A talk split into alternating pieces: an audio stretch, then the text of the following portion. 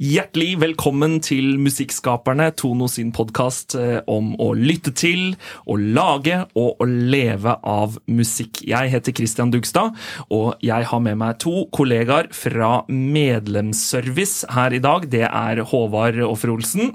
Hallo. Og Stian Årstad. Hallo. Og det vi skal snakke om i dag, det er låtregistrering. Veldig mange av henvendelsene dere får eh, på Medlemsservice telefoner, e-poster, sosiale medier her på huset, men også når vi er ute på festivaler eller holder foredrag, de handler nettopp om eh, verksregistrering. Hvem skal ha prosenter i sangen min? Hvem er det som skal ha prosenter i et verk? Ja, altså Det enkle svaret er jo at det er de som har eh, skrevet verket. Det er jo det aller enkleste. Eh, men hvis man går litt mer i dybden, så er det jo, eh, er det jo de rollene som, som, vi har i Tono. Du kan si at komponist og tekstforfatter, det er de grunnleggende rollene. Komponist, altså den som har skrevet eh, verket, eller melodien. Og så tekstforfatteren, den som har skrevet teksten. Så det er jo de rollene som, som er de mest grunnleggende, kan du si, da. Mm. For, for, hvem som har skrevet låta, det, det høres jo det høres jo ganske enkelt ut, sagt sånn overordna, men når man først begynner å tenke på det i dagens eh, musikkverden, hvor, er, uh, hvor, du kanskje har skrevet en sang hjemme eh, på et piano eller en gitar, eller sitter med en synt, og så tar du med deg den i studio, du involverer andre musikere, en produsent ja, altså Det er noen gråsoner der, da. Kan det oppleves som hva, hva er det, Hvem er det som har vært med å lage denne sangen er det det ferdige produktet? Er det den låta jeg skrev hjemme, jeg registrerer her? Jeg har stor forståelse for at eh, man kan, kan lure litt på det. Eh, så jeg tenkte at vi skulle se litt på, på verksregistreringen her, eller ta utgangspunkt i, i, sånn det ser ut når man eh, registrerer inne på tono.no. Da er det sånn som du sier, Stian, at det er komponist, tekstforfatter og komponist skråstrek tekstforfatter. De er vel ganske selvforklarende? Ja, det, det er det vel. Altså, så hvis, du er, hvis, du er, en komponist, så velger du det åpenbart. Og hvis du har også skrevet både, både melodi og tekst, så kan du velge da rollen komponist og tekstforfatter. Og så neste er arrangør. Og hva er en arrangør? Et godt spørsmål. Altså, det er jo i utgangspunktet, jeg tror vel sånn tradisjonelt så har det vært brukt om personer som har skrevet strykearrangement eller blåsearrangement for uh, låter, eller på en eller annen måte bearbeidet låta for en spesiell besetning eller en sjanger og sånt noe. Um, nå har jeg inntrykk av at uh, det er jo litt uh, Ja, det kan være brukt litt ulikt, da, når vi ser hvordan medlemmene registrerer verk hos oss. Noen velger å, å gi arrangørrollen til folk som på ulik måte har bidratt, selv om de kanskje per definisjon ikke har skrevet noe av musikken, melodien eller teksten, men de på en annen måte da har bidratt til at låta ender opp som den er. Jeg har hørt uh, dere holde ganske mange foredrag, uh, og jeg har inntrykk av at uh, det dere ofte sier, er at man skal være litt forsiktig med å bruke arrangørrollen i det hele tatt? Ja, altså det kan jo Man skal være bevisst da, på hva man gjør. Eh, men det er jo sånn at eh, f.eks. mange bruker, eh, bruker, den rollen for å gi en andel til noen som har bidratt med kanskje ikke komposisjon eller tekst, men de har bidratt på musikalsk på en eller annen måte. Og da, og da bruker den rollen for å godtgjøre den, den innsatsen, da. Man skal være litt bevisst også på fordi den personen får en slags eh, en viss råderett da, over, over hvordan verket kan, kan brukes. For, for eh, hvis vi hopper et hakk videre, da, så er det sånn at eh, alle, alle, verk, alle låter som registreres i Tono, eller et hvilket som helst eh, altså en hvilken som helst opphavsrettsorganisasjon som, som oss, eh, de har 100% Det er i utgangspunktet 100% som skal fordeles på alle de ulike aktørene som skal ha en bit av kaka. Og det er ikke sånn at en arrangørbit av kaka er verdt noe mindre enn Altså at 10% arrangørandel er verdt noe mindre enn 10% komponistandel. Ja, og den derre kakemetaforen, det er også noe jeg håper vi liker å bruke òg, fordi at uh, det er noe med at hvordan enn man velger å fordele prosentene i et verk, da, i Tono, så skal jo det gjenspeile hvem som faktisk har skrevet, komponert, skapt det verket man snakker om. Og da er det også veldig viktig, som Stian også snakket om, at man skiller litt mellom hvilke bidrag de personene har gjort til låta. Veldig viktig å holde de rollene eller hattene litt atskilt. Altså hvis noen er inne i studio og spiller eh, saksofon eller gitar eller et eller annet. Eh, selvfølgelig en uh, utmerket innsats for innspillingen, men de har ikke nødvendigvis blitt komponister eller arrangører av den grunn. Men de blir jo kompensert på andre måter, som går utenom tonosystemet. Men når vi snakker om tonoregistreringen, så skal man tenke på hvem er det som har skapt dette verket. Man kan jo tenke litt sånn at uh, Sett at et annet band eller en annen utøver uh, covrer eller spiller inn den samme sangen om ti år. Uh, hvilke byggeklosser eller hvilke elementer i låta er det den coverversjonen uh, vil ta med seg? Og det vil jo typisk være altså alt etter hvilken sjanger man snakker om, da, men det vil jo være melodien, akkordrekken, teksten, og kanskje til en viss grad også liksom, det musikalske inntrykket, for, eller uttrykket, for å kalle det det. da. Men nå er du inne på noe som er veldig komplisert, og, jeg har stor forståelse for at folk syns at det, det, kan være litt vanskelig å, å avgjøre. For, for, å si at du sitter hjemme og du har skrevet en, en sang, du spiller piano, og eh, du lager en akkordrekke, du lager en vokalmelodi og du lager en tekst. Det er jo eh, nok til å kunne registrere et verk i Tono. Det, altså, det eksisterer. Det er, det er, et åndsverk. Det er det jo ingen tvil om. Men så tar du det med deg i studio, og så involverer du eh, altså profesjonelle musikere, kanskje sessionmusikere, kanskje folk du spiller i band med, og de lager eh, elementer i den eh, sangen som kan potensielt bli signaturelementer. Da. Og da forstår jeg at folk kan synes at det blir komplisert. Ja, altså det er jo aller viktigst å være bevisst på, på, på hva, du, hva, du, gjør, og så være åpen på det. Og, og ha en dialog med, med, de du jobber sammen med. Og så Hvis du har skrevet et, et verk på egen hånd, og får med andre som, som bidrar på det, så må man ta en vurdering da, om deres bidrag er, er nok til å måte, oppnå en opphavsrett, eller, eller, eller, um, hva det måtte være. Uh, og ha en, ha en, dialog om det, sånn at man er sånn at man i, kanskje aller best i i, i, samarbeid eh, finner ut hvordan det her skal registreres i Tono.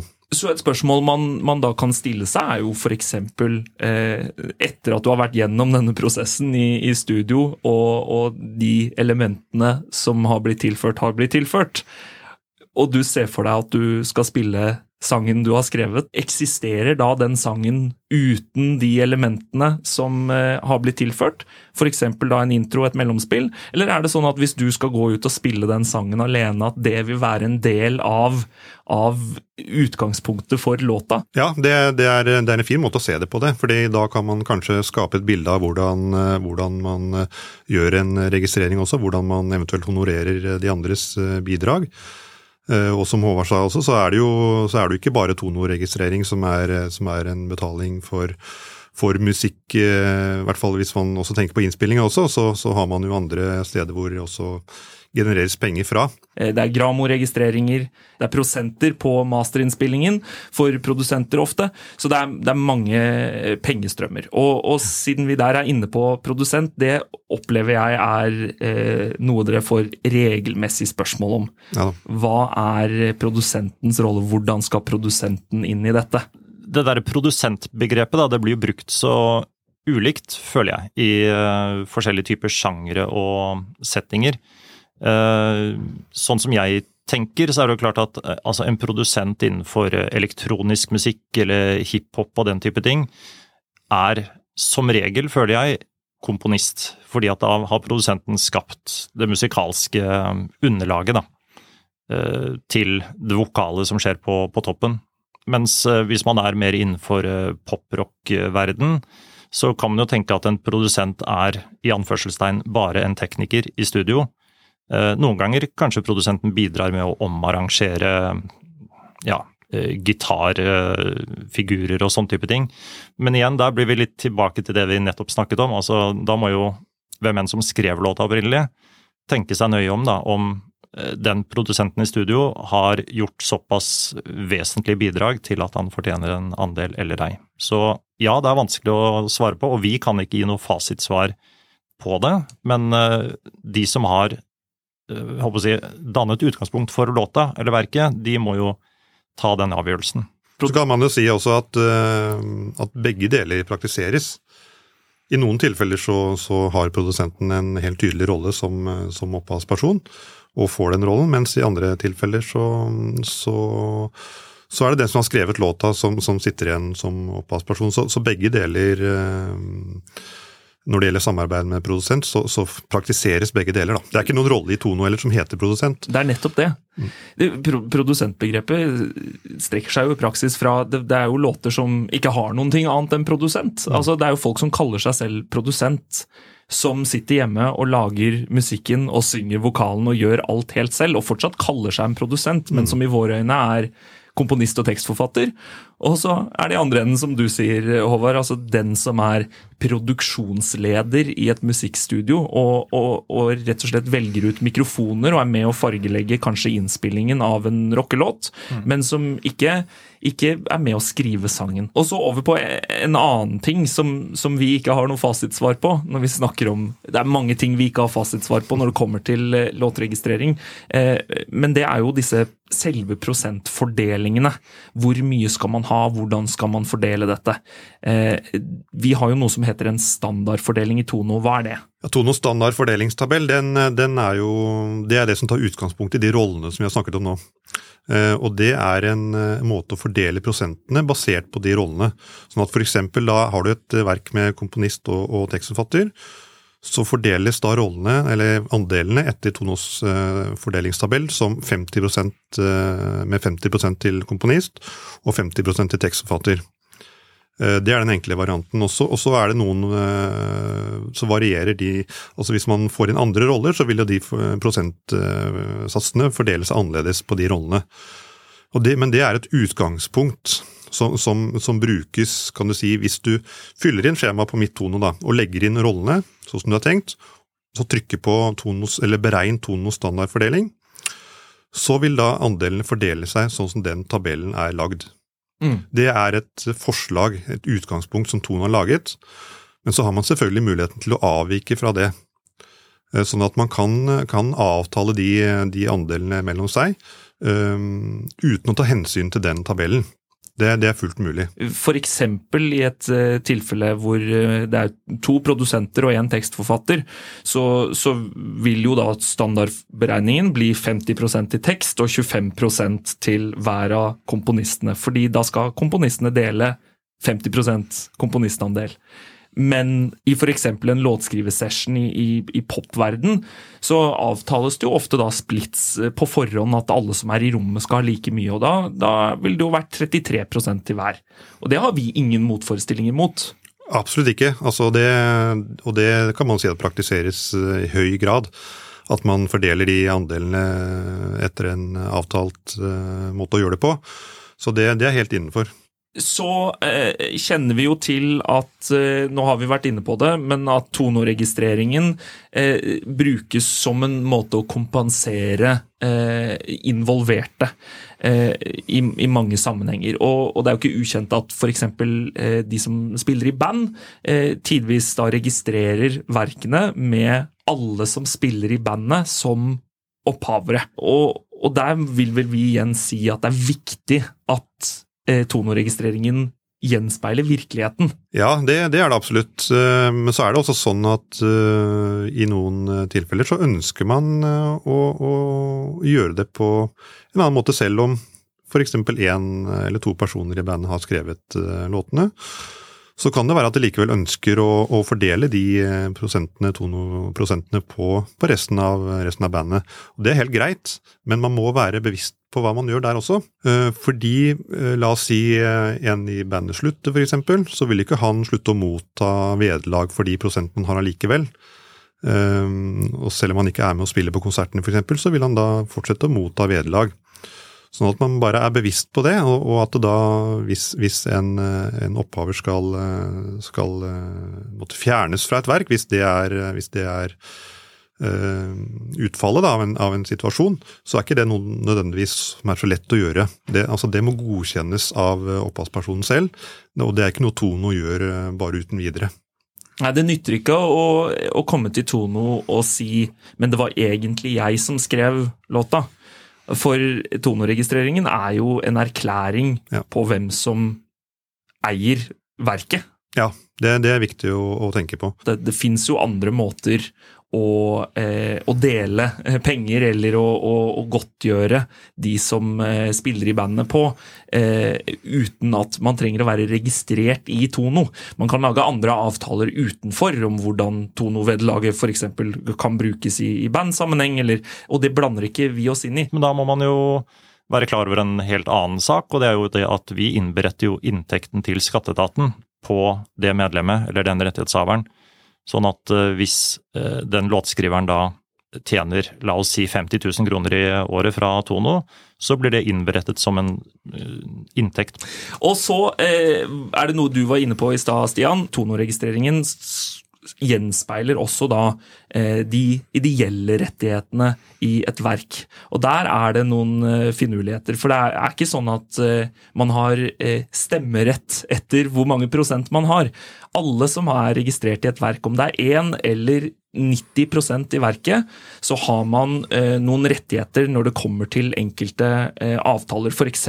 reklame. Ja, og så er det sånn at ja, Ideelle rettigheter de, det er jo ikke heller noe som Tono forvalter. sånn at, eh, og da Så lenge man, er, eh, så lenge man er, eh, har en rolle i et verk, om det er opphavsperson eller arrangør, så har man de ideelle rettighetene. og Det kan jo påvirke hvordan verket da brukes, eller kan brukes i enkelte tilfeller hvor hvor, eh, hvor, det er de ideelle rettighetene som, som bestemmer bruken, som f.eks. i reklame. Så hvis Coca-Cola kommer til deg Stian, og spør vi syns at den låta du har skrevet er skikkelig kul, vi har lyst til å bruke den i vår neste reklame, men da du skrev den, så spilte du i band med, med to-tre andre, og du ga dem 5% hver, så er det en av dem som er eh, fryktelig mot cola.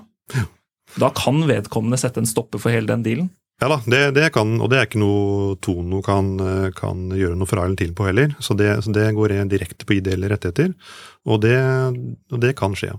Så før vi runder av, så er det en siste rolle eh, i, i Tono-registreringen som man kan velge, og det er oversetter. Eh, det gir seg jo egentlig selv, men der er det viktig å nevne at eh, man kan jo ikke oversette et verna verk uten tillatelse. Nei, det stemmer jo. Altså, hvis man f.eks. har utgangspunkt i en tekst som er engelsk og vil oversette den til norsk, så må man ha tillatelse fra rettighetshaver.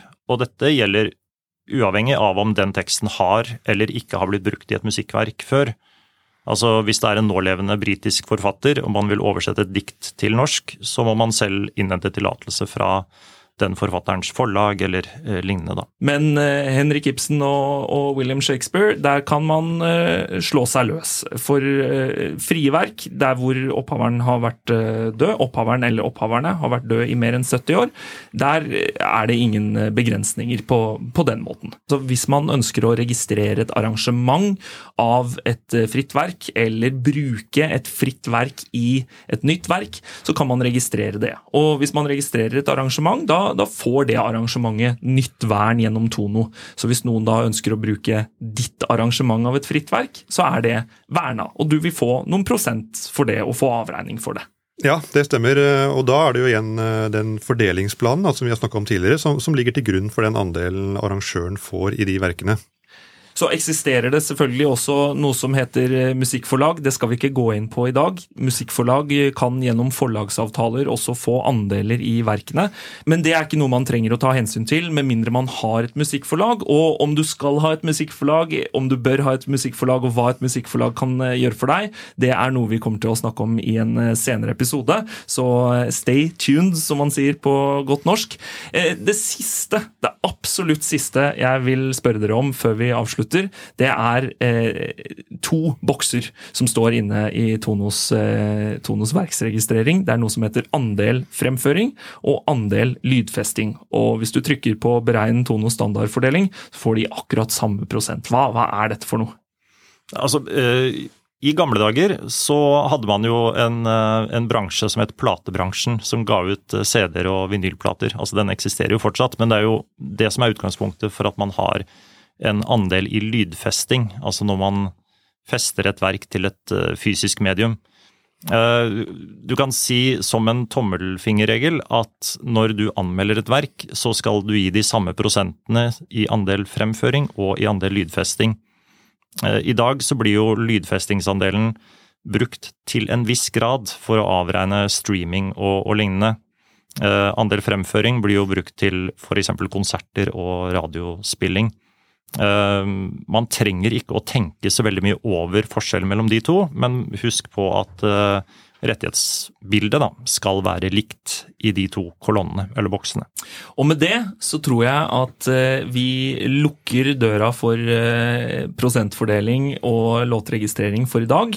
Eh, tusen hjertelig takk for at dere kom og, og hjalp til å, å oppklare Eh, en del av dette. Og så er jeg helt sikker på at eh, mange som hører på, sikkert er litt klokere, men fortsatt sitter igjen med masse spørsmål. Og da, eh, når man først skal registrere, så, så kan man fortsatt lure så man blir grå i håret. Og da er det bare å ta kontakt med medlemsservice. De kan ikke bestemme ting for dere, men de kan alltid hjelpe dere på vei og, og gi dere en liten pekepinn. Så da er det bare å ta kontakt på medlem krøllalfa.tono.no eller telefon 22 05 72 80.